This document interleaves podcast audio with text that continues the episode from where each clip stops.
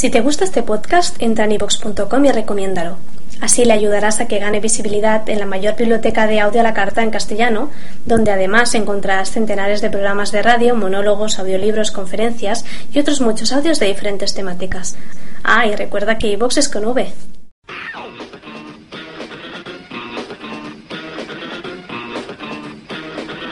Foc d'encenall.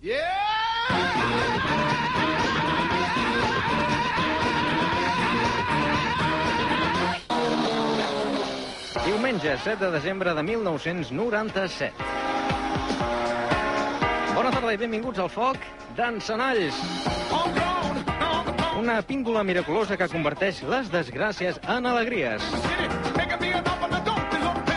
Els experts afirmen que amb la dinàmica actual de contaminació al planeta Terra no té un futur gaire clar, sinó més aviat negre. Això és el que han discutit al llarg d'aquesta setmana a la ciutat japonesa de Kyoto. La cimera de l'ONU sobre el canvi climàtic no ha passat desapercebuda. Em quedo amb una frase del president de la cimera. Això sembla ben bé una casa de barrets. Afirmacions fetes després que els països més rics no hagin arribat a un acord per reduir els gasos causants de l'efecte hivernacle i, en canvi, obliguin els països subdesenvolupats a prendre reduccions dràstiques. I és que ja se sap, feta la llei, feta la trampa. Moltes han estat les novetats i canvis produïts a la petita pantalla al llarg d'aquests dies. Les comentarem de prop a les 625 línies. El primer ministre de la Gran Bretanya, Winston Churchill, va arribar a fer-se ressò de les conferències d'un il·lustre català. A l'espai d'entrevistes comptarem amb la presència de Josep Maria Prim, que ens parlarà del seu darrer llibre sobre el doctor Josep Trueta. Un altre doctor, en aquest cas el doctor Julius Esmar, vindrà des de Pensilvània per tal d'analitzar algunes de les cartes al director publicades als rotatius catalans. En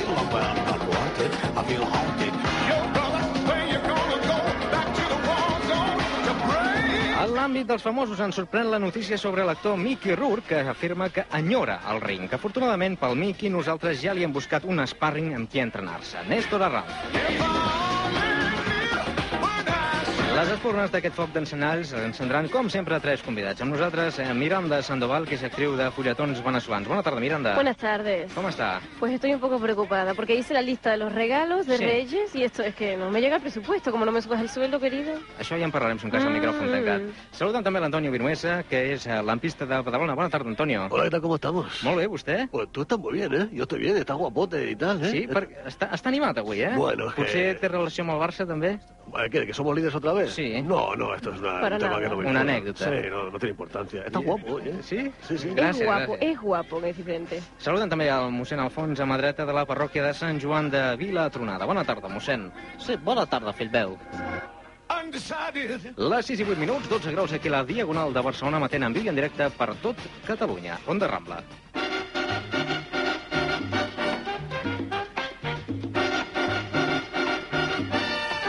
I comencem aquest foc amb les 625 línies amb Miranda Sandoval. Moltes novetats.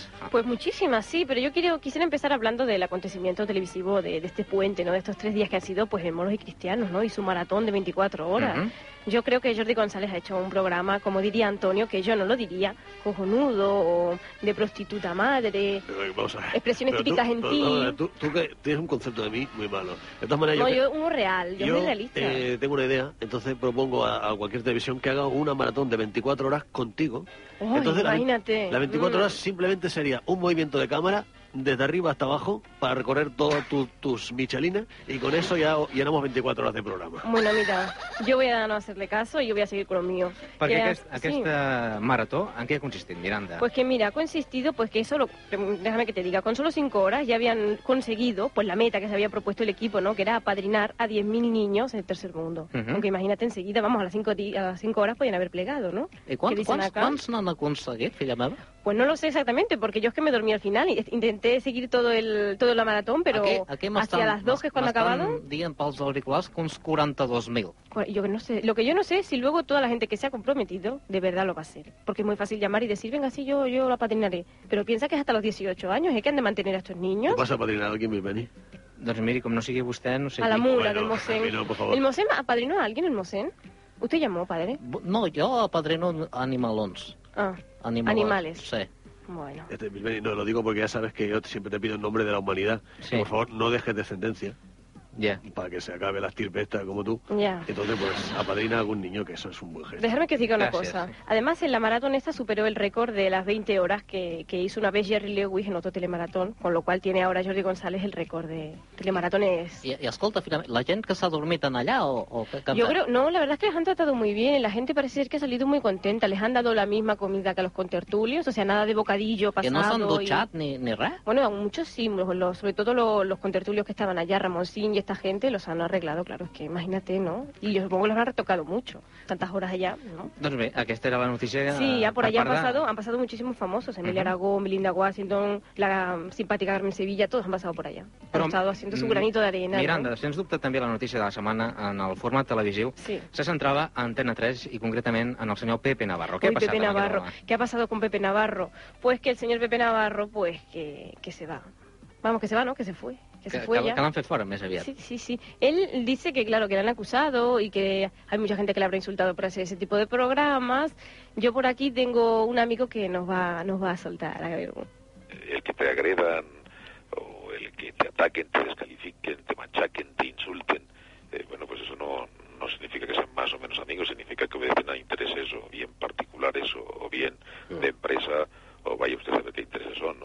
Esto es lo que dice él. Déu-n'hi-do, perquè Mm, mm, eh, em sembla... No sé si l'Antonio Vinuesa l'han acomiadat alguna vegada, Antonio? Hombre, pues nunca. No? No, porque yo soy jefe de mí mismo. Es Ah, no me voy a despedir yo ¿Cómo mismo. lo van a despedir? Ah, sería si este feo, hombre ¿no? eh, siempre llega tarde a todos los sitios. És cert, Miranda, que l'hauran d'indemnitzar en el Pepe Navarro amb Sí, 2.000 eh? milions de Sí, pessetes? sí, sí, en- son exactamente 1888. Bueno, perquè como- ja li havien pagat una certa Claro, quantitat. claro, no? porque cuando, cuando hizo contrato eran más de 2.000 millones, pero al hacer ciertos programas, pues baja la cifra, ¿no? eh, el día que tú Lo nos cierto eches es de que- aquí, pues lo mismo, ¿eh? Él cuando 2.000 llegó... milions. Hombre, yo tengo un contrato blindado. Él Sí, cuando sí. llegó cuando llegó a Antena 3 dijo que toda España se acostaría con nosotros. Dijo, toda España se va a acostar con nosotros. Yo no sé si se refería a físicamente o a que todo el mundo vería Sí, su perquè amb programa. aquest tipus de programa ma- mai se Ja, sap. sí, escolti'm, sí, sí. Miranda, aprofundim una miqueta. No sé si se saben ben bé les causes per Sí, les mira, quals s'ha suprimit la sonrisa del Yo he estado investigando mucho a través de amigas que tengo en el, que van al programa, como la Veneno. Sí, y- sí, sí. Antonio, fa una cara d'investigadora. Sí, mucho, eh, sí. ¿Verdad? Sí. Pues mire, yo creo que entre Bueno, el caso. Arni, ustedes se acuerdan del caso Arni, ¿no? Y del caso de Alcácer también, sobre la farmacéutica de Olot, las llamadas de la Casa Real, el tema de Mario Conde y luego la pérdida de audiencia porque ahora todo el mundo se ha hecho marciano. Mm. Entonces, claro, todas estas cosas yo creo que han... Han influït, no? Han influido, Potser ha sigut sobretot- el- la gota que ha fet baixar Sí, el vas. hombre, la, la gota, la gota que colmó el vaso yo creo que fue el tema de que anunció, claro, llegó un momento que, que Pepe Navarro se encontró que perdía audiencia, ¿no? Entonces dijo, pues yo voy a intentar recuperar pelícanos y que desaparezcan marcianos, diciendo que mañana pues voy a vamos a hacer aquí una mm, reconstrucción de cómo se grabó el vídeo del tal Pedro J. Y esto parece ser que no gustó y el mismo señor pues llamó a Antena 3 diciendo que esto no podía ser Ya, y ya. por aquí viene el De asunto. todas maneras, a mí me ha llamado la atención un tema que es muy bonito, de muy solidaridad del país y tal. Es que todo el mundo se ha preocupado qué va a pasar con Crispín Clanders. O sea, Pepe Sí, Navarro, ¿no? pues nadie se preocupa, porque claro, con dos mil millones, ¿no? Pero A vostè li Crispín- agrada el Crespin? Hombre, Han de Clanders. No, es que es un tío divertido y tal. Ah, no pues, el, el equipo son más de 50 personas y están todos en el INEM ya. Imagínate. Todos en INEM. Por sí, sí, sí. Les han quitado, ya les han ¿no? prohibido entrar a Però Antena van, 3 y van todo. guanyar molts calarons, eh, allà. Sí, sí, pero usted sabe que no siempre, ¿eh? no se puede comer toda la vida de lo que se ganó en cinco días. Molt bé, Miranda, anem a coses més gratificants. verdad anem que anem sí. amb una sèrie que comença a TV3, que em sembla que és Hércules. Sí, espérate que me perdí el papel ahora, a ver si la encuentro. Aquí, mira, está. Que resulta que ustedes saben que la película de moda para estas navidades es Hércules, ¿no? Que además está, por si no lo saben, está en la No, no segunda. sabía. ¿No lo sabe usted? No. Está en la segunda de la lista de las películas más vistas. Que por ¿no? cierto está semana. basada en un episodio de juventud. Pero bueno, esto, ¿Ah, es, esto es una cosa que... Pues no será por lo de los músculos. Sí, claro, por eso. Pues el canal 33 ha decidido que en el Club Super 3 aparezca otro Hércules igual de musculoso y igual de guapo. La serie se titula Hércules el Fursuit y es una producción de Broadway Video Entertainment. Ahí podría haber un problema, ¿eh? Sí? Porque si hacen, sabes que con estas series pues siempre luego hacen la continuación y tal. Y la saga. eh, si hacen la historia de Hércules cuando era pequeño, pues Mm. claro, Hércules de pequeño le llamaban Herculito. Entonces esto suena muy mal. Entonces está prohibido. Eso, yo he traído una noticia para el Mosén. Yo supongo que usted, Mosén, conoce a Tico Medina, que es casi coetáneo suyo, este hombre. Tico Medina... Tico Medina, que es este periodista.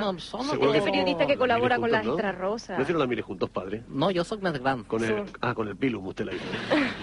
Pues este periodista eh, colabora con las rosas de moda, ¿no? En- Hace entrevistas a famosos y tal. Pues ahora este gran profesional pues ha empezado a presentar en Antena 3 un programa matinal que se titula Mayores sin reparos.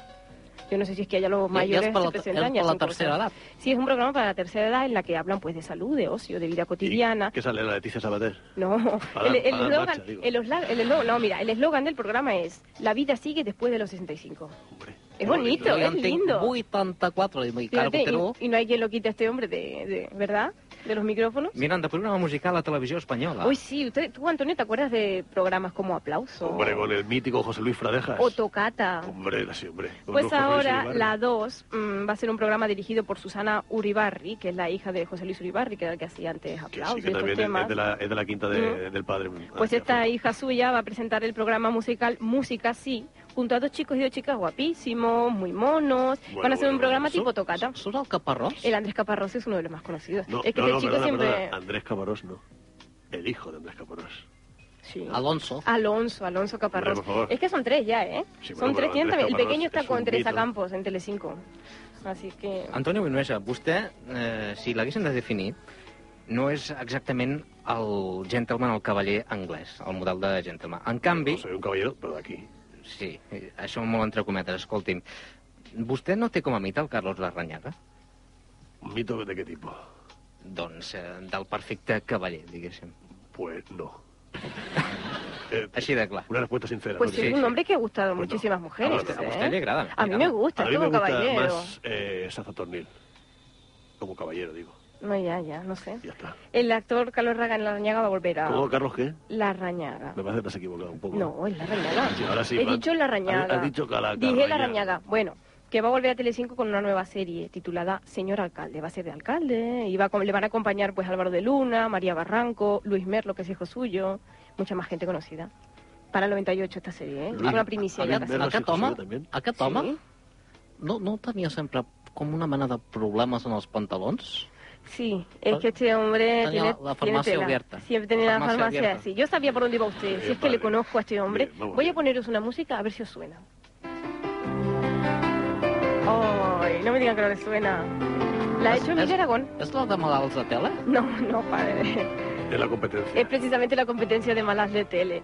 Y es que TV3 ha sido líder de audiencia en Cataluña este pasado mes de noviembre, pero Médicos de Familia pues sigue siendo el líder absoluto ¿no? de la noche de los martes. Todo el equipo de la serie se fueron a Segovia a rodar el capítulo final de esta temporada, que se pasará el 23 de diciembre. Pero como las cosas no están tan claras entre Alicia y Nacho, pues el equipo ha querido mantener en secreto I ¿Cuál si es el final? I si no tinc entès Mm. malament, fins i tot s'han arribat a gravar dos, Dos. capítols diferents. Dos para ver cómo funciona la, la audiencia en base a una cosa o a otra y los tienen guarda- guardados bajo llave porque nadie quiere, no quieren que se entere de nadie de esto. Es que la línea vos, pues, bien, ¿no? Hace poco, esta semana pasada, agrada la. Hombre, a mí sí, a ti no. A mi no. Ah, no. És que vostè i jo no tenim gustos bastant afins, eh? A ti que te gusta más, eh, Emilio Aragón, ¿no? No, a ella le gusta, a él le gusta la Juani. No, la- tampoc, no, tampoco, gaire, no, no gaire. dic perquè no, Escolti'm, quizás. uh, Miranda, Sí. anem parlant, anem seguint amb el tema TV3 Sí. perquè uh, hi ha una nova marató prevista. Sí, el 14 de diciembre se celebrará la maratón de TV3, que este año destinará los beneficios que obtengan a los enfermos de fibrosis quística y de distrofia muscular, imagínate. Y el grupo de teatro La Cubana quieren animar la fiesta. Uh -huh. Serán ellos los encargados de llevar adelante la, la cosa, ¿no? Queda dit, cuestión. eh, seguint amb TV3, un Sí. altre dels rostres famosos també en els teatres, Mhm. com és Lloll Bertran, intervindrà en un nou projecte.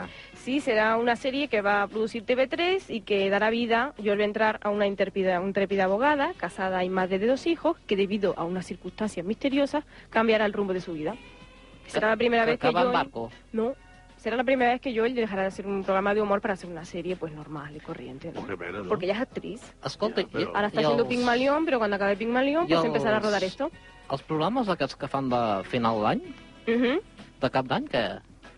¿Qué? Pues que de momento no le puedo decir nada. Solo me he enterado de que en Telecinco va a despedir el año no Carmen Sevilla, como era habitual hasta ahora, sino dos reporteros de Caiga quien caiga. Javier Martín, que es el guaperas del grupo, que no sé si vieron la semana pasada en la, la serie Más que Amigos, que participó haciendo un papelito pequeño, y luego el compañero Sergio Pasos. Serán ellos que desde, desde Granada van a presentarlo. Déu-n'hi-do totes les notícies que ha generat eh, el món de la La televisió, verdad es Miranda. que sí, siempre, y mucha más que te contaría. Bueno, ¿me dejas que diga una? Mm, ràpidament. Rápidamente, es para Antonio. ¿Tú sabes que han despedido a un señor de ra- Radio Televisión Española por salir en una entrevista radiofónica insultando a sus jefes?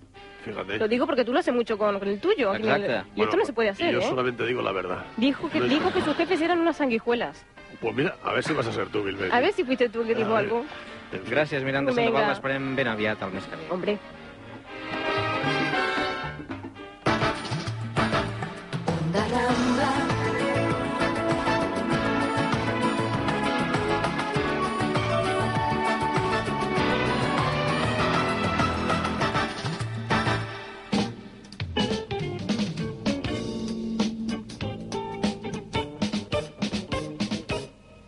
Fa uns quants anys, Emili Vendrell popularitzava una cançó emblemàtica per molts catalans. La migrant, un dels versos de la lletra, afirma que d'enyorança es mor. Aquest, però, no és el cas del doctor Josep Maria Trueta, o Josep Trueta, en aquest cas, ja que tot i l'obligada distància que el separava del seu país es convertí en un dels cirurgians més importants que ha tingut el segle XX a nivell mundial. I per parlar d'aquest eh, gran eminent eh, doctor, hem convidat el senyor Josep Maria Prim, que és escriptor, autor d'obres com Inadaptado, Los Adaptados, Una bona noia. En l'apartat biogràfic també ha escrit Cinco genios de la ciencia i els 14 catalans d'or. En dramatúrgia destaquen Primeres matèries i La dolça agonia de Natalia. Més cap aquí, i en l'àmbit històric, ha publicat Joan Prim, revolucionari i home d'estat, així com un llarg, etc. Al llarg de la seva trajectòria professional ha guanyat diversos guardons, eh, com per exemple el Premi Elisenda de Montcada, el Premi Ignasi Iglesias i el Premi de Teatre de Sitges. Enguany ha escrit L'esperit de Josep Truetra, de Pagès Editors. Senyor Josep Maria Prim, bona tarda i bona hora. Bona tarda. I molt benvingut. Gràcies. Vostè cita moltes vegades el llibre que el doctor Trueta va escriure per divulgar la personalitat de Catalunya. Aquesta és una bona mostra per afirmar que mai no va renegar dels seus orígens. Sí, és una bona mostra. Quan Trueta arriba a Anglaterra, naturalment eh, fugint de les armes franquistes, l'any 39, es troba amb les dificultats corresponents, es va integrant com a, cirurgià, però ell no en té prou amb això. L'any 1941, quan ja feia temps que havia començat la Segona Guerra Mundial, quan les bombes queien a raig fet damunt d'Anglaterra, quan semblava que aquell país s'havia d'enfonsar, ell, el doctor Trueta, que de vegades treballava 35 hores seguides al quiròfan, quan tenia alguna estona lliure, se n'anava a la Biblioteca Bodleiana d'Oxford, una de les més grans del món, o a la llibreria que tenia Joan Gili, un català, a Oxford també, i allí espigolava entre els llibres catalans que trobava i tot plegat li va permetre escriure un dels llibres catalans que per mi més han fet per a salvar la nostra nació tantes vegades perseguida. El llibre el va escriure en anglès, té Spirit of Catalonia, l'esperit de Catalònia, i no el va poder publicar fins l'any 1946, en anglès naturalment, i un cop publicat el va regalar als Churchill, Eden, Selwyn Lloyd, és a dir, el bo millor de la, de la cultura i de la política anglesa, perquè sabessin quina havia estat l'aportació dels grans catalans a la història del món. Quin era l'esperit de Catalunya. Uh -huh. Senyor Prim, li presento un dels contertulians habituals en aquest programa, que és l'Antonio Vinuesa. Endavant, Antonio. Hola, bona tarda, què tal? Com Bona tarda. Uh, a la vida, desgraciadament, no tothom pot treballar de, del que li agrada, no? Jo, per exemple, volia ser director teatral, però, bueno, al final sóc lampista, que també m'agrada una mica. És, és cert que Josep Toreta, de fet, volia ser pintor? És ben cert. Josep Tureta volia ser pintor, havia estudiat pintura ja mentre feia el batxillerat, i quan va acabar el batxillerat li va dir al seu pare que ell el que volia era això, ser pintor, seguir estudiant pintura. El seu pare, que era fill d'un farmacèutic lleidatà i un home molt subtil i més aviat maquiavèlic, li va dir, vols estudiar pintura? Magnífic, però cal que siguis un pintor tan important com el mateix Leonardo da Vinci. I Leonardo da Vinci es caracteritzava per conèixer molt bé l'anatomia humana. Per tant, tu el que has de fer és matricular-te en Medicina, allí estudiaràs, estudiaràs anatomia i això et permetrà ser el millor pintor del món. I Josep Toreta va picar l'am i es va convertir en, el, en un dels millors cirurgians i metges del segle XX, segons el meu parer. O sigui que va- vam sacrificar un, un gran pintor, segurament, per un increïble metge. Vam sortir guanyant. Jo no sé si vam sortir guanyant o perdent perquè actualment només queden tres quadres deguts al doctor Tureta. tots tres els tenen les seves filles, la senyora Amèlia Tureta, la senyora Montserrat i la senyora Júlia. Són quadres bastant bons i no sabem mai si Tureta hauria sobresortit també en la pintura com va sobresortir en la ciència, perquè no només és un gran metge, és un gran científic. Li presento també, senyor Prim, en el nostre mossèn Alfons Amadreta, que és de Sant Joan de Vilatronada. Bona tarda, senyor Prim. Escolti, jo li volia preguntar, ja que parlem d'art, malgrat que jo ja tingui pues, una certa edat, doncs eh, tampoc tinc tants anys per haver conegut l'arquitecte Gaudí, no? I li dic això perquè sembla ser que abans de morir Antoni Gaudí, atropellat pel tramvia, pues, va ser ingressat a l'hospital on exercia el doctor Trueta, no? Sí, senyor, té tota la raó. El Gaudí va ser atropellat per un tramvia a la cruïlla que dibuixa en la Gran Via Llúria, si no m'equivoco, l'any 1926, quan Trueta era un dels caps de cirurgia de l'Hospital de Santa Creu, l'hospital que està situat entre el carrer del Carme i el carrer Hospital.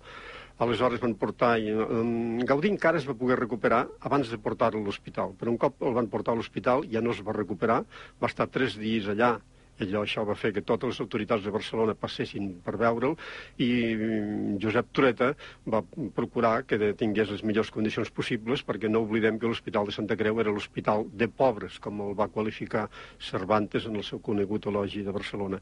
Aquest noble edifici, aquest edifici gòtic, que encara el, el tenim naturalment i que actualment és seu de la Biblioteca de Catalunya fonamentalment, doncs a Tureta li, li agradava molt. I quan tornava alguns viatges una mica més o menys d'amagatotis d'Oxford, sempre se n'anava al seu antic hospital, a l'actual Biblioteca de Catalunya, i allí li agradava passejar entre els arcs gòtics que ell molt estimava i coneixia molt bé que l'any 1401, quan es van crear les primeres pedres, doncs allí hi havia el nostre rei Martí l'Humà i sobretot el representant del futur rei i malaguanyat Martí el Jove, que per desgràcia va morir i això va per, no va permetre que la nissaga dels comtes de Barcelona, dels comtes reis, continués i després va venir les desgràcies dels trastàmeres. I tot això Toret ho tenia molt clar. Uh -huh.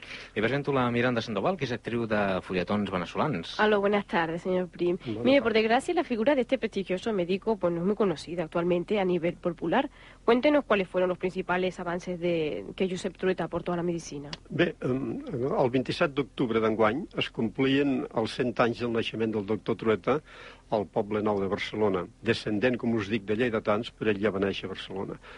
Aleshores, per commemorar aquesta festa, aquesta data tan important, el, la Generalitat de Catalunya va organitzar un acte institucional en què es va convidar el doctor Max Harrison, d'Oxford, exalumne de Tureta, perquè fes la conferència institucional.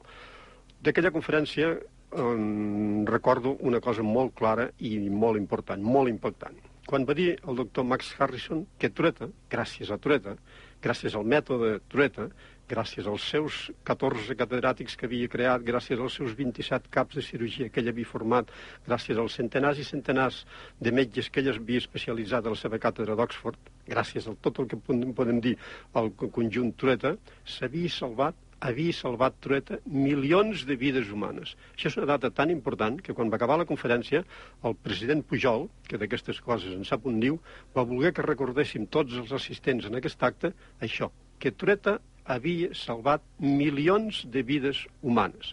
Però, naturalment, Tureta va fer moltes altres coses. Per exemple, va descobrir la doble circulació renal, que és una cosa d'una importància extraordinària. I si a alguns metges no els agrada aquesta terminologia, jo la tinc perfectament documentada, els puc demostrar que es pot dir perfectament així. A alguns els agrada més parlar d'homeòstasi, de síndrome d'esclafament del ronyó, però tot això és secundari. El cas és que Tureta va descobrir la doble circulació renal i això va ser tan important que l'any 1947, quan es va publicar el corresponent llibre de Tureta, en què parlava de les seves investigacions que havien portat com a conseqüència aquest descobriment, aquest llibre és un llibre que va produir un impacte impressionant a tota Anglaterra, Estats Units, Austràlia, és a dir, els països anglosaxons, perquè el llibre estava escrit en anglès. Estava escrit en anglès, però les primeres quatre línies era una quarteta de versos en català del valencià, per tant, en català del valencià Joan... Mm, perdó, Ausias Marc. Uh -huh. Eh, això de confondre, anava a confondre un poeta amb un pirata, això seria greu. Aleshores, també hi ha una tercera gran aportació de Tureta. Hi ha, hi ha una, de les part, una part de la nostra anatomia molt important, que és el sistema ossi, els ossos, que són de difícil estudi. Gairebé ningú havia gosat entrar-hi. Tureta hi va entrar a sac. Tureta i el seu equip i la infraestructura que li permetia Oxford, que li permetia investigar qualsevol dimensió del, del cos humà, ell va fer unes investigacions extraordinàries per a esbrinar uh -huh. quina era la naturalesa de l'os, com se produïa el seu creixement, fins i tot com es podia estimular aquest creixement, com es produïa la decadència del sistema dels ossos, i això li va portar fins i tot a conseqüències que ja vessen al camp de la medicina, de la biologia, i arriben fins i tot a l'antropologia estructural. Uh -huh. Però són molts, molts més els avenços que va portar Toret. El que passa és que aquests tres per mi són els més són importants. Són els més importants, no? Recordem que estem parlant amb Josep Maria Prim, que és autor d'aquest llibre L'esperit de Josep Trueta, de Pagès Editors. Senyor Prim, un dels personatges que van molt lligats a la vida d'aquest metge és Salvador de Madariaga. Vostè insinua que fou un dels causants de que en el doctor Trueta no li concedeixin el Premi Nobel de Medicina. En què es basa per dir tot això? Doncs em baso en estudiar la bibliografia, els llibres escrits per Madariaga i en què ell, Madariaga, Salvador de Madariaga Rojo, un exiliat del franquisme, però que realment era més franquista que el mateix Franco, i quan dic això ho pot demostrar perfectament Joan Triadú quan va anar a Oxford i Tureta li va presentar el Madariaga, i Joan, Joan Triadú, content, li va dir al Salvador Madariaga, miri, don Salvador, Catalunya torna a recuperar-se, sembla que la llengua torna a reviure, sembla que els estudiants tornen a prendre consciència, i Salvador de Madariaga li va dir, ni eso no nos ha resuelto Franco, com si volguem dir Franco havia de fer la solució final. Uh -huh. Aleshores, Madariaga en els seus llibres parla molt de quina és la seva gran influència sobre el Premi Nobel, sobre l'entorn del Nobel. Fins i tot no oblidem que l'any 1975 el Partit Liberal, el president del qual n'era Tureta, era el que era l'àrbitre de la situació del, de sueca. Aleshores, estudiant tot això, la bibliografia del Madariaga, que parla tant de la importància del Nobel i de la influència que ell tenia sobre la concessió del Premi Nobel, d'una banda, i després analitzant els centenars de documents de l'arxiu que jo he pogut consultar procedent d'universitats americanes, angleses, canadenques, en què es demostra fefaentment que Tureta mereixia el Premi Nobel l'any 1975, analitzant tot això i contextualitzant-ho, la conclusió que en trec és que Tureta mereixia el Premi Nobel l'any 1975, això és gairebé indiscutible, i que Madariaga va ser l'artífex que no li donessin. I per què va ser així? Tot i que Tureta i Madariaga, teòricament, eren amics. Eren amics, durant 25 anys es van passejar plegats per la gespa, per la millor gespa del món, que diuen que és la d'Oxford. Però quan Madariaga va llegir el llibre de Tureta, The Spirit of Catalonia, va publicar un llibre en una editorial de Buenos Aires, un llibre que es diu Memòries d'un federalista, i allí ataca brutalment Tureta, ataca també Josep Pla, ataca el nostre historiador més, més important, ataca, ataca Gaciel, però sobretot ataca Tureta, perquè en aquell moment, segons Madariaga, ell no sabia que Tureta hagués escrit aquelles coses. I quan veu que ha escrit allò, llavors Madariaga, que era un espanyolista fanàtic i anticatalà 100%, doncs s'adona que ell ha de fer alguna cosa per evitar que Tureta rebi el Premi Nobel, el qual significaria una, una, un gran ajut per a Catalunya i per la causa del nacionalisme català, que Tureta havia defensat sempre, a tot arreu i en qualsevol circumstància. A, a mi una tarda sortint de, de l'emissora em van confondre amb el director d'aquest programa, la qual cosa bastant, bastant curiosa, no? perquè bueno, ja veu com és ell.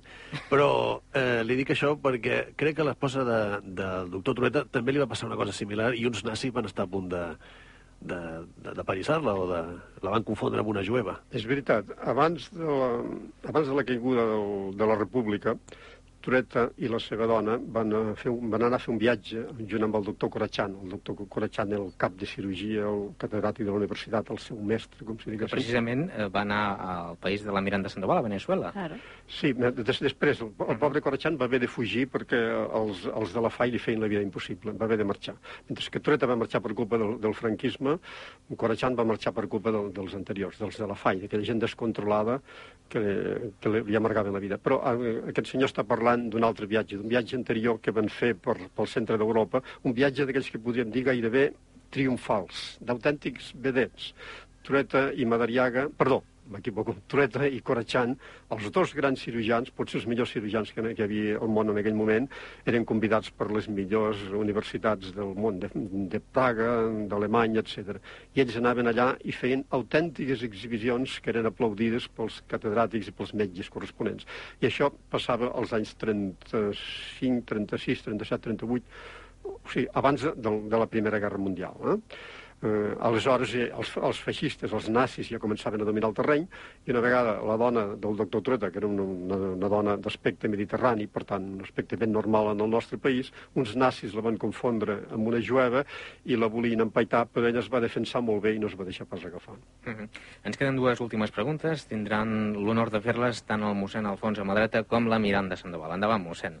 Well, sí, jo, el, el seu nom de pagès, senyor Prim, doncs a mi m'agrada molt això de, de la natura, no?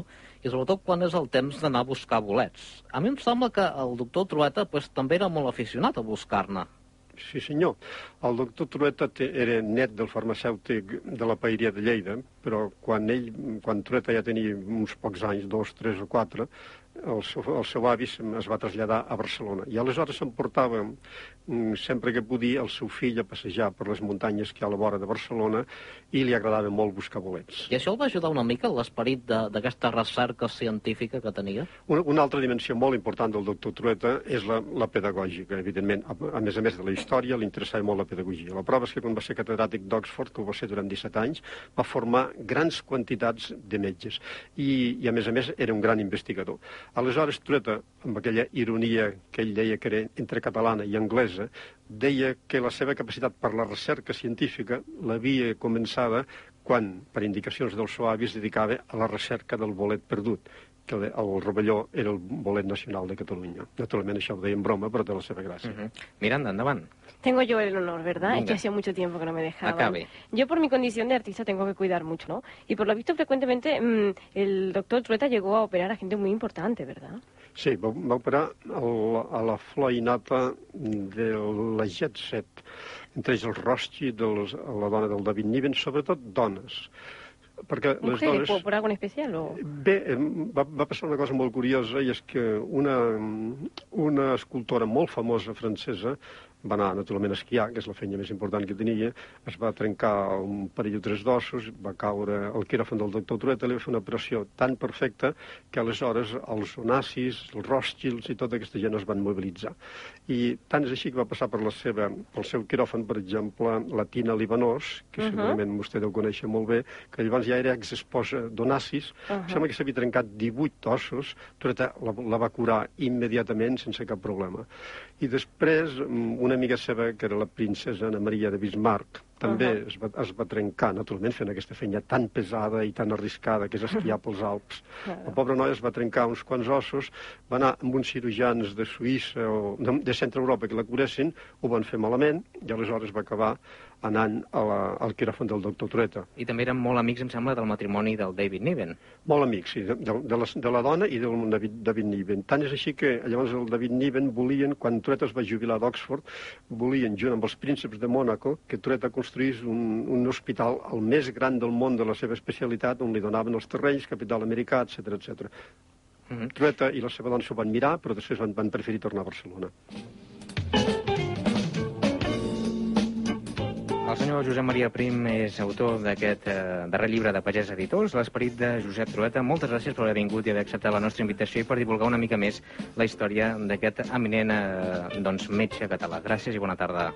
Moltes gràcies a vosaltres i bona tarda a tothom. Adéu.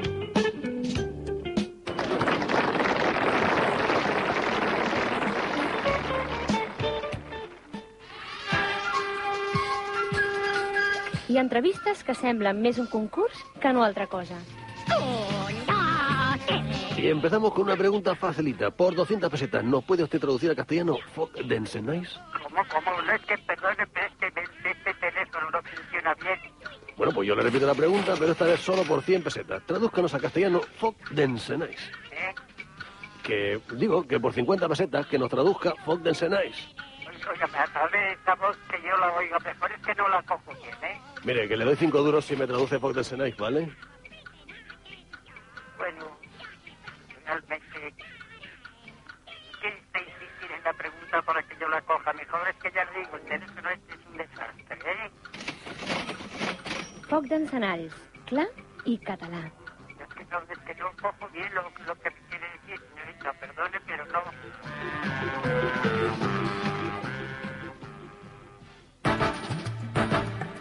da, da, da.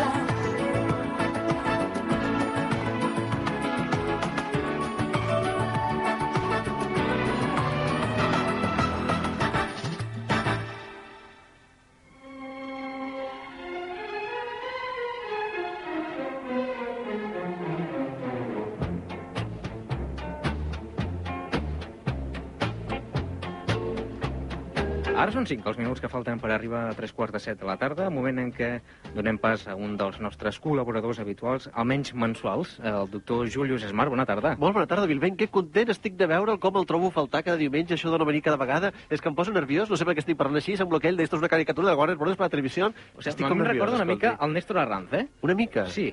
No sé si Diu, agafar sé això com un insult, potser. Doncs miri, agafi-ho com vulgui. Doncs, bueno, no, doncs no em faci emprenyat perquè estic emprenyat, eh, Bilbeny? Sí?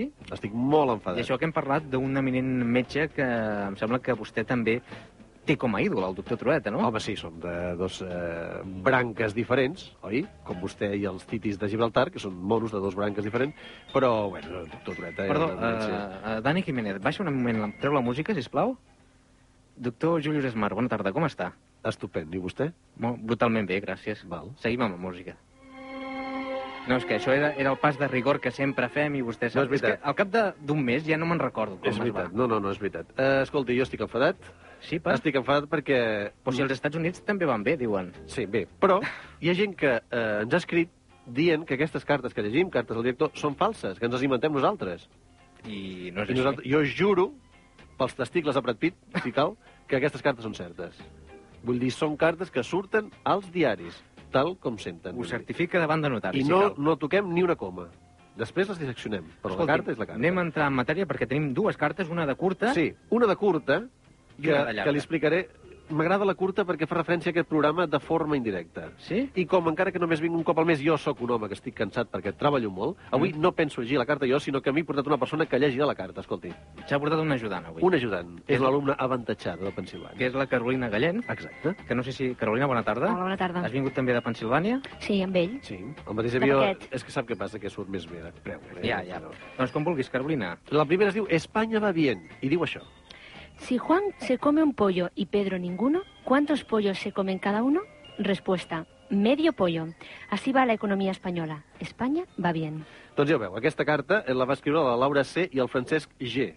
Eh? Mhm. De Barcelona. Què vol dir això? Vol dir que aquest programa seu, Bilbeny, Mhm. mentre jo no estic, té un oient que deu ser família seva. I quan estic jo, en té 250.000. Llavors, clar, es fa la mitjana i diu el foc d'encenalls, doncs té escolta'm, 125.000. no sabia que a Pensilvània eh, s'escoltés aquest programa. No, a Pensilvània no, a Catalunya. Ah, bé, Tinc bé. molts amics a Catalunya. Val? Ja no dic res més. Eh? No el, foc, el foc d'encenalls va bien. Molt bé. Punt.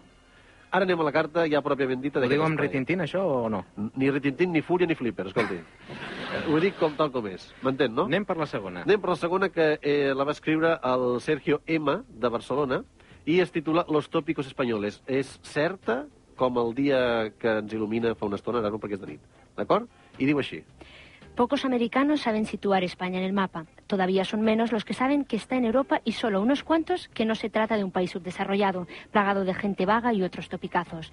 Por eso a la compañía aérea Spanair, para promocionar su nuevo destino Washington-Madrid, no se le ha ocurrido nada mejor que regalar 266 viajes ida y vuelta a quien tuviera el valor de acercarse vestido de torero, bailaor o toro a la terminal de esa compañía en el aeropuerto de Washington. Supongo que para algún directivo de Spanair esto debe ser la colorista historia y cultura española. ¿No podrían haber regalado esos viajes mediante un sorteo que promocionase de una manera más acertada la realidad histórica y cultural de España?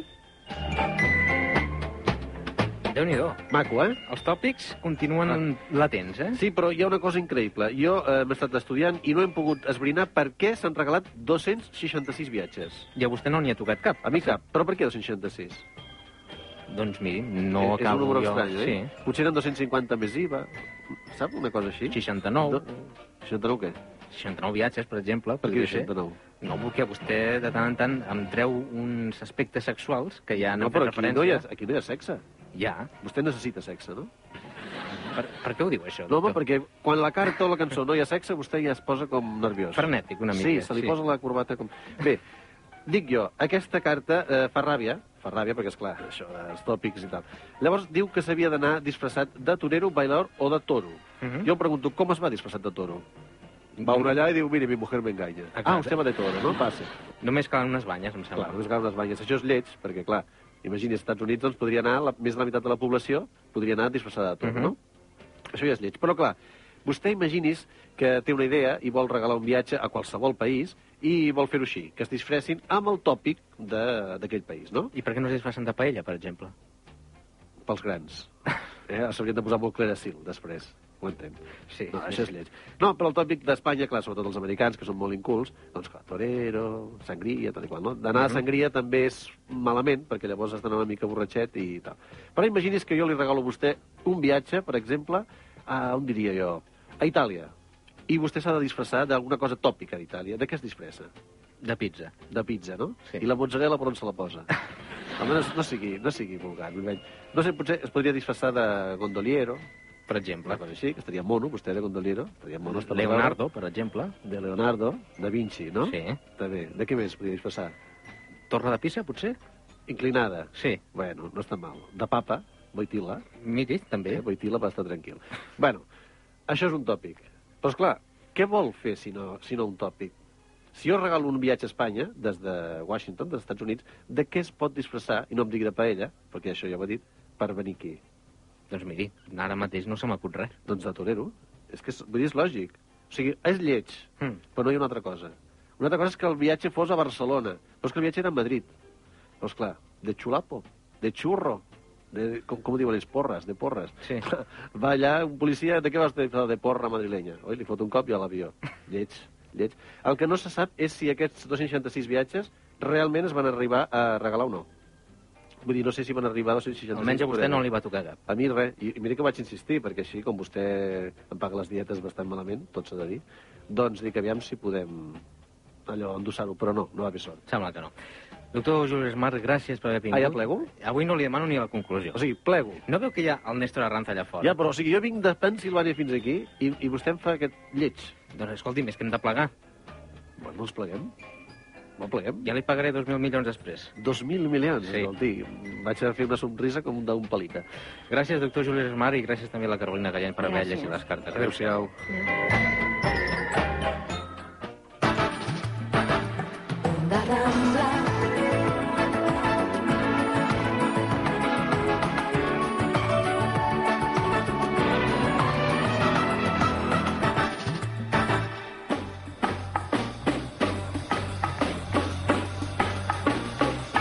minuts que passen de tres quarts de set de la tarda. Donem la benvinguda en aquest eh, periodista impresentable com és el senyor Néstor Arranz. Bona tarda. Muy buenas tardes, amigos de los estudios centrales de Onda Rambla en Barcelona, emitiendo en cadena por todas las emisoras de Onda Rambla Cataluña. Les saluda, les quiere, les besa lo- la mano y lo que sea su amigo Néstor Arranz, el mejor periodista de famosos del siglo y del mundo.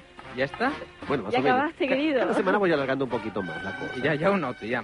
Miranda Sandoval, Dígame. eh, anem fent boca perquè els oients eh, Sí. puguin eh, doncs, Venga. anar aquesta setmana als cinemes de Barcelona i puguin Eso. veure doncs, les pel·lícules de que màxima más les actualitat. gusten.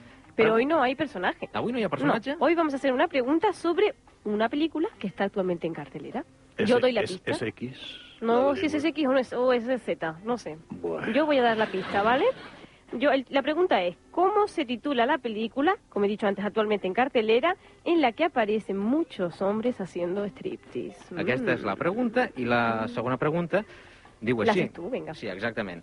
A quina universitat eh, anglesa exercia la càtedra el doctor Josep Trueta? És molt fàcil, és de les clàssiques universitats angleses. Dues preguntes, també dos telèfons, 93 al davant, 410 60 68, 410 61 68. Eso. Néstor Arranz, què tenim per eh, avui? Perdona, perdona, ahora que os interrumpa. Que el vídeo ese que le pasaste de las eh, enfermeras americanas con la porra entre el muslamen, que te la devuelvo luego, ¿eh? que ya la he visto.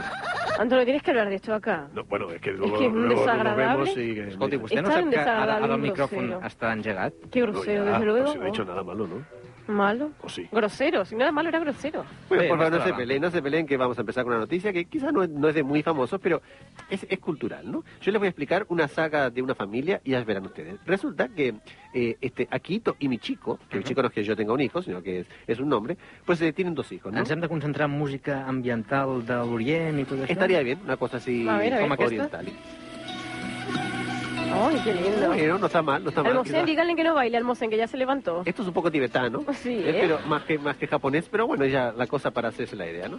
Bueno, pues resulta que Akito y mi chico pues tienen dos hijos, ¿no? Uno que se llama Naruhito y otro que se llama Akishino. ¿Eh? Akishino, Qué lindo. Akishino y allá japonés, ¿no? Es eh, muy malo, pero es así. Bueno, resulta que Akishino pues eh, se casó con una princesa que se llama Kiko.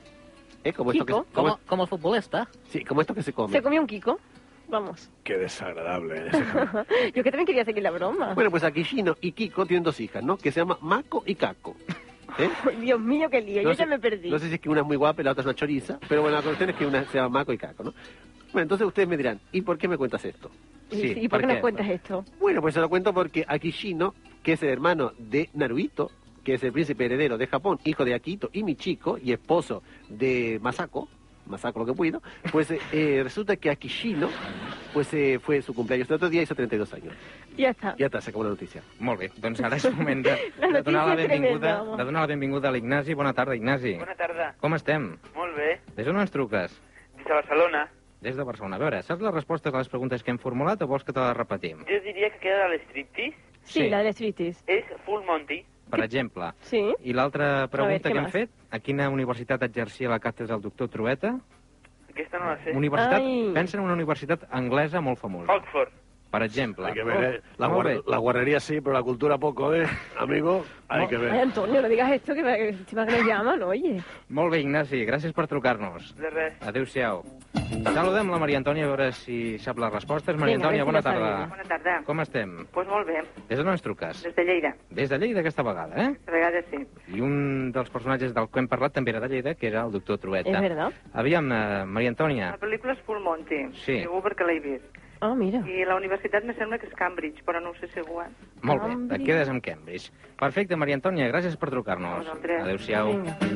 Més notícies, Néstor Arranz. Bueno, pues resulta que en América saben que hay esta secta, la secta Moon, que se, se casan estos 250.000 a la vez, ¿no? Es una cosa así como, bueno, una cosa increíble, ¿no? Bueno, pues resulta que este, el, el jefe de esta cosa, que es eh, San Myung Moon, que Mm. también bonito nombre, ¿no? Pues eh, tenía que hacer una, bueno, va a ser la, la inmensa boda de esta colectiva que hacen cada año, y la que iba a actuar para... para És una cantant negra molt, molt famosa, Sí. no? Sí, sí, es negra. Es Winnie Houston. Ay, Winnie Houston. Mira que me gusta a mí esta mujer, ¿eh?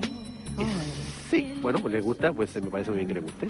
No, Antonio, no quiero bailar contigo. No, no, no te No, no, insinúes. no, no, yo no puedo hacer de tu No guarda- te insinúes. No puedo hacer de guardaespaldas porque no abarco, no abarco el tema. ¿entiendes? Qué gracioso, ¿eh? Qué desagradable. Bueno, pues resulta que Whitney Houston finalmente pues no va a cantar eh, en esa en esa, esa actuación porque dice que está enferma. ¿De Caray. qué? Què li passa? ¿Qué No le sé. duele? No sé, creo que le duele un par de uñas del pie. Ja. Y entonces Ya. eso es importante. Molt bé, Ana Maria, bona tarda. Hola, bona tarda. Com estem? Molt bé. Des d'on ens truques? Eh, de Dos Rius, al Maresme. Molt bé, doncs mira, jo també sóc del Maresme. Ah, sí? Això, ja, això, bueno, és... jo sóc turista només. Sí? Vine. Escolta'm, a veure si saps les respostes. Com es diu la pel·lícula i a quina universitat ens estem referint? Eh, Full Monty Sí? i la Universitat d'Oxford. Molt bé, doncs gràcies per trucar-nos. Vale, gràcies. Adéu-siau. Adéu. Vinga, mossèn, presenti en el nou uh, oient que té a l'altra banda del fil telefònic. Bona tarda, Lluís. Hola, bona tarda. Soc mossèn Alfons de Madreta, 84 anys a l'esquerra. no le cuentes su vida ahora, no, no, chico. mossèn. Escolta, fill meu, que saps les respostes? Doncs em sembla que sí. Aviam. A ver. La pel·lícula és de Full Monty Sí? eh, i la Universitat és de d'Oxford. És des d'Oxford. Sí. Des d'on em truques, fill meu? Pues d'aquí de Barcelona, a la plaça Lesseps, on estem treballant una miqueta i disfrutant sentir-vos a vosaltres. Ah, moltes Mira gràcies, meu. Hombre, venga, tómate algo. Doncs gràcies, Lluís. Gràcies per mira que trucar-nos. pagarán. Adéu-siau. Notícies, Néstor Arranz. Bueno, vamos a seguir con nombres raros. Vamos a hablar de Ana Kurnikova. Ustedes saben, esta famosa eh, tenista, que solo Sí. tiene 17 añitos, pero que está, que está revolucionando el, el mundo de- de- del tenis y tal, ¿no? Porque, bueno, eh, porque se ve que juega bien. Y, por- y porque está muy buena. Ya tuvo que No, no, decirlo no, él. Porque está muy buena y toca las pelotas como nadie. No veuen que estic jugant a tenis, Sí, sí, sí. Está haciendo un solo usted. Eh, cuidado que se le se le cayó la bola por allí, ¿eh, padre? Está, por debajo de la sotana. Bueno, pues resulta que esta chica pues estuvo jugando el otro día contra una alemana, la An- Anke Huber. De- de- Tiene unos nombres, estos tenistas increíbles. ¿no? Sí, sí, sí. Bueno, y estaba pues eh, estaba en la ciudad checa de Brno, Brno, que es una bonita ciudad con un nombre así raro, donde también se corre un gran premio automovilístico y tal. Pues eh, le dijeron, oye, ¿por qué no haces de modelo, no? Ella dijo, pues eh, ni corta ni perezosa, pues eh, bueno, hizo de modelo y parece que a lo mejor cuando termine de tocar las bolas en la pista, pues se pasa a las pasarelas. Els que no s'han no s'han tallat gens és, per exemple, l'Andrés, que tenim a l'altra banda del fil telefònic. Andrés, bona tarda. Sí, hola, bona tarda. Des d'on ens truques? Sí, d'aquí, de Barcelona. Des de Barcelona. Endavant, sisplau. Mira, crec que és uh, Fullmonty Sí. Ajá. i Oxford. I Oxford. Muy bien. Molt bé, gràcies per trucar-nos. Vinga, gràcies. Adéu-siau. Miranda, presenti l'Helena, vinga. A ver, buenas tardes, Elena. Hola, buenas tardes. Buenas tardes, querida. ¿De dónde llamas tú? Mira, desde aquí de Barcelona. Muy Nada, bien. Meridiana. Desde Meridiana. Muy bien. ¿Cómo, eh, cómo se llama la película? ¿Cómo se titula? Según La tú. película es Bull Monty. Ajá. Y la universidad está... La universidad es la de Oxford, que estuvo trabajando 17 años. Fíjate. Molt bé, Sí, doncs es sí. que he estado atenta al programa. Pero ¿eh? atenta, Perfecte. ¿eh? Me n'alegro, Helena. Gràcies per trucar-nos. Vinga, Adéu-siau, bona tarda. Mestre Ranza, més notícies. ¿Saben una cosa? ¿Saben, usted, que, ¿eh? ¿saben, No. ¿Saben usted de quién es Curro, no? El del anuncio. Sí. Va a ser una serie de televisión. Es que se me olvidó decirlo en mi espacio, por eso lo digo ahora. Bueno, muy bien, pues seguimos, seguimos con el tema. Pues tengo una noticia precisamente para usted, Miranda, que creo que ¿Ah, le va a sí? encantar. Sí, resulta que el diseñador Edmond Boublil, seguimos Ajá. con los nombres raros, ¿no? Pues hizo, hizo en París una, una, una- un desfile de modas donde dijo que, bueno, que ya está bien de que todas las señoras estén estupendas, ¿no? Que hay señoras gordas ¿por y qué no? señoras estupendamente gordas como usted, ¿no? Entonces, bueno, pues hizo una, un desfile de ropa para gente con, eh, con eh, tamaños especiales, ¿no? ¿Y Ya. a qué te refieres? Pero nada de, nada ¿Por qué de, nada túnicas tipo de mis rusas o rapel, ¿no? No. no, no, no, cosas ajustaditas, De cuero. con los michelines a la vista y apretando todas las cosas. Pues muy Eh, bien, que lo veo. Pues claro que sí. que Y hablando de michelines, tengo otra noticia de michelines. Pero, no la ara. Pero no la digo ahora. Faci-la no després de la publicitat, sinó després de parlar doncs, amb aquests dos oients. Per exemple, la Maria Rosa. Bona tarda. No la tenim en línia, em diuen que no. A veure No. si la Marta... oye, oye, oye, ¿yo la qué? Marta és possible tenir-la, tampoc la tenim, doncs bé, intentarem recuperar. Digui-la ara. Ranz, No tenemos a nadie. ¿Yo ahora qué quería? a la, Sí, a la... está Marta, está Eh, Marta. Vinga. A, a callarse. Marta, Hola, ¿cómo estamos? bien. Oh, qué guapa eres. Gracias. Antonio, por no, favor. No lligui, no lligui ara, hombre, Antonio. Hombre, si es guapa se lo digo, ¿no? Pero si tú no la viste nunca. Bueno, callarse, callarse. Eh, Marta, ¿de dónde llamas? De Sardañola. Bueno, de Sardañola, bonita población donde las haya. ¿Sabes la respuesta a nuestras Sí, preguntas? la película Full Monty y la Universidad de Oxford. Muy bien. ¿Y qué haces después del programa? Antonio, esto no, bueno, ¿eh? ¿se lo puedo preguntar o no? No. Antonio, esto no. Bueno, vale, vale, pues nada. Gràcies, Marta, per trucar-nos. Adéu. Tenim més trucades? Em diuen que no. Aviam, Pues no. Néstor Arran, digui la notícia que anava a Sí, dir. bueno, ¿usted sabe lo que es eh, Vivendum? No. Usted es un Vivendum, es un, Ah, ¿sí? es un vivant, es una persona que, que vive bien sin pegar golpe. Entonces, Vivendum realmente es el nombre de la mascota de la casa Michelin, de los neumáticos, ¿no? ¿Sí? El muñequito este blanco que tiene tanta... Este muñequito blanco que ha dado, curvas, ha dado ¿no? nombre, a, por ejemplo, a su silueta, ¿no? Mirando, pues Michelines se dicen gracias a, esta, a, este, a este muñequito. Eres muy simpático. Bueno, pues resulta que está a punto de cumplir 100 años, entonces eh, los, eh, los eh, jefes de la marca Michelin dicen que ahora no está de moda estar gordito y van a, a, A rediseñar, relanzarlo. van a rediseñarlo, entonces lo van a hacer crecer unos eh, centímetros, con lo cual dejará de parecerse a Bill Benny y va a adelgazarse, con lo cual va a dejar de parecerse a Miranda. Qué simpático Y va a que ser, estás eh, va a ser un muñeco estupendo. Arran, eh, està ja? Donem pas a la trucada? Sí, ara sí. Sempre està posant a mi, també, No, eh? de, de paso, de paso. Ja, ja. Maria Rosa, bona tarda. Hola, bona tarda. Com estem? Bé, Des d'on ens truques? des de Barcelona. Molt bé, Cap i Casal de Catalunya, que avui encara no ho havia dit. Sí, no lo habías dicho aún. eh. No, jo- jo ho lo havia notat, yo- ja. sí, Yo le echaba a faltar. Aviam, Maria Rosa, resposta, sisplau. La pel·lícula Full Monty Uh -huh. i la Universitat d'Oxford. Perfecte, gràcies per trucar-nos. A tu. Adéu-siau. I de la Maria ¿Saben Rosa... que yo una vez actué para los alumnos de Oxford? Sí? Sí, haciendo un espectáculo de varietés. Suspendieron todos luego, ¿no? No, que va, que va. Saludem el Jordi, bona tarda. Hola, bona tarda. Com estem? Pues mira, bé, Anar fent, no? Que tot distreu? sí. Des d'on Oye, ens qué truques? voz tan bonita, A ¿eh? Barcelona, gràcies. Tiene una voz muy bonita. Va, doncs ja que li agrada tant aquesta veu, digui vostè. Venga, a ver, ¿cuál es la película? I la pel·lícula és Full Monty. ¿Y la universidad? La universitat és Oxford. Oxford, bueno. Molt bé, Molt bé, Jordi, gràcies per trucar-nos i per seguir-nos amb tanta atenció. doncs moltes gràcies. Adéu-siau. Tendría que llamar más hombres este programa, ¿eh? Yo Vostè un sempre poco- reivindica el mateix, Claro eh? que sí, que llamen más hombres. cállate, que, que, que, que- Gràcies, Miranda Sandoval. Vinga, chao. Gràcies també al Néstor Aranda. Avui no em digui que no s'ha pogut explayar. Sí, pero yo tenía muchas más noticias. Ja, ja m'ho imagino. Bueno, que lo sepa. Gràcies també a l'Antonio Vinuesa Vinga, adiós. i gràcies també a mossèn Alfons Amadret. Adéu-siau, mossèn. Adéu, fill meu.